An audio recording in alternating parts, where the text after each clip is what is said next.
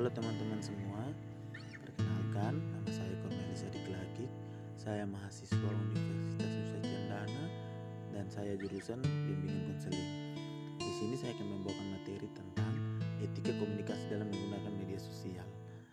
media sosial adalah sebuah media online dengan cara penggunaannya bisa dengan mudah berpartisipasi, berbagi dan menciptakan isi. Jadi, di sini media sosial ini adalah media online dengan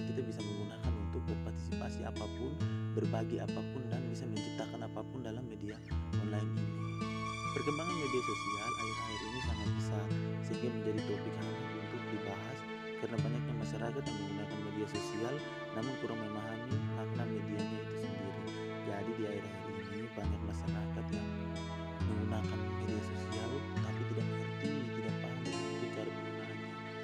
Jadi makanya topik hangat untuk dibahas. Berikut adapun media sosial yang digunakan adalah Instagram. Instagram adalah aplikasi media jejaring sosial yang mampu menghasilkan dan mempublikasikan foto secara instan.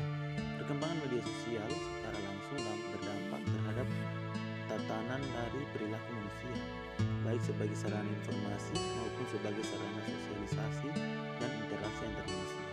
Media sosial seakan menjadi tempat menumpahkan segala aktivitas yang tidak jarang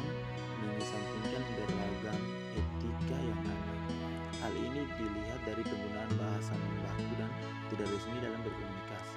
Komunikasi adalah suatu proses penyampaian informasi, pesan, ide, gagasan dari satu pihak ke pihak lainnya. Komunikasi akan lebih efektif apabila pesan yang disampaikan dapat ditafsirkan sama oleh penerima pesan.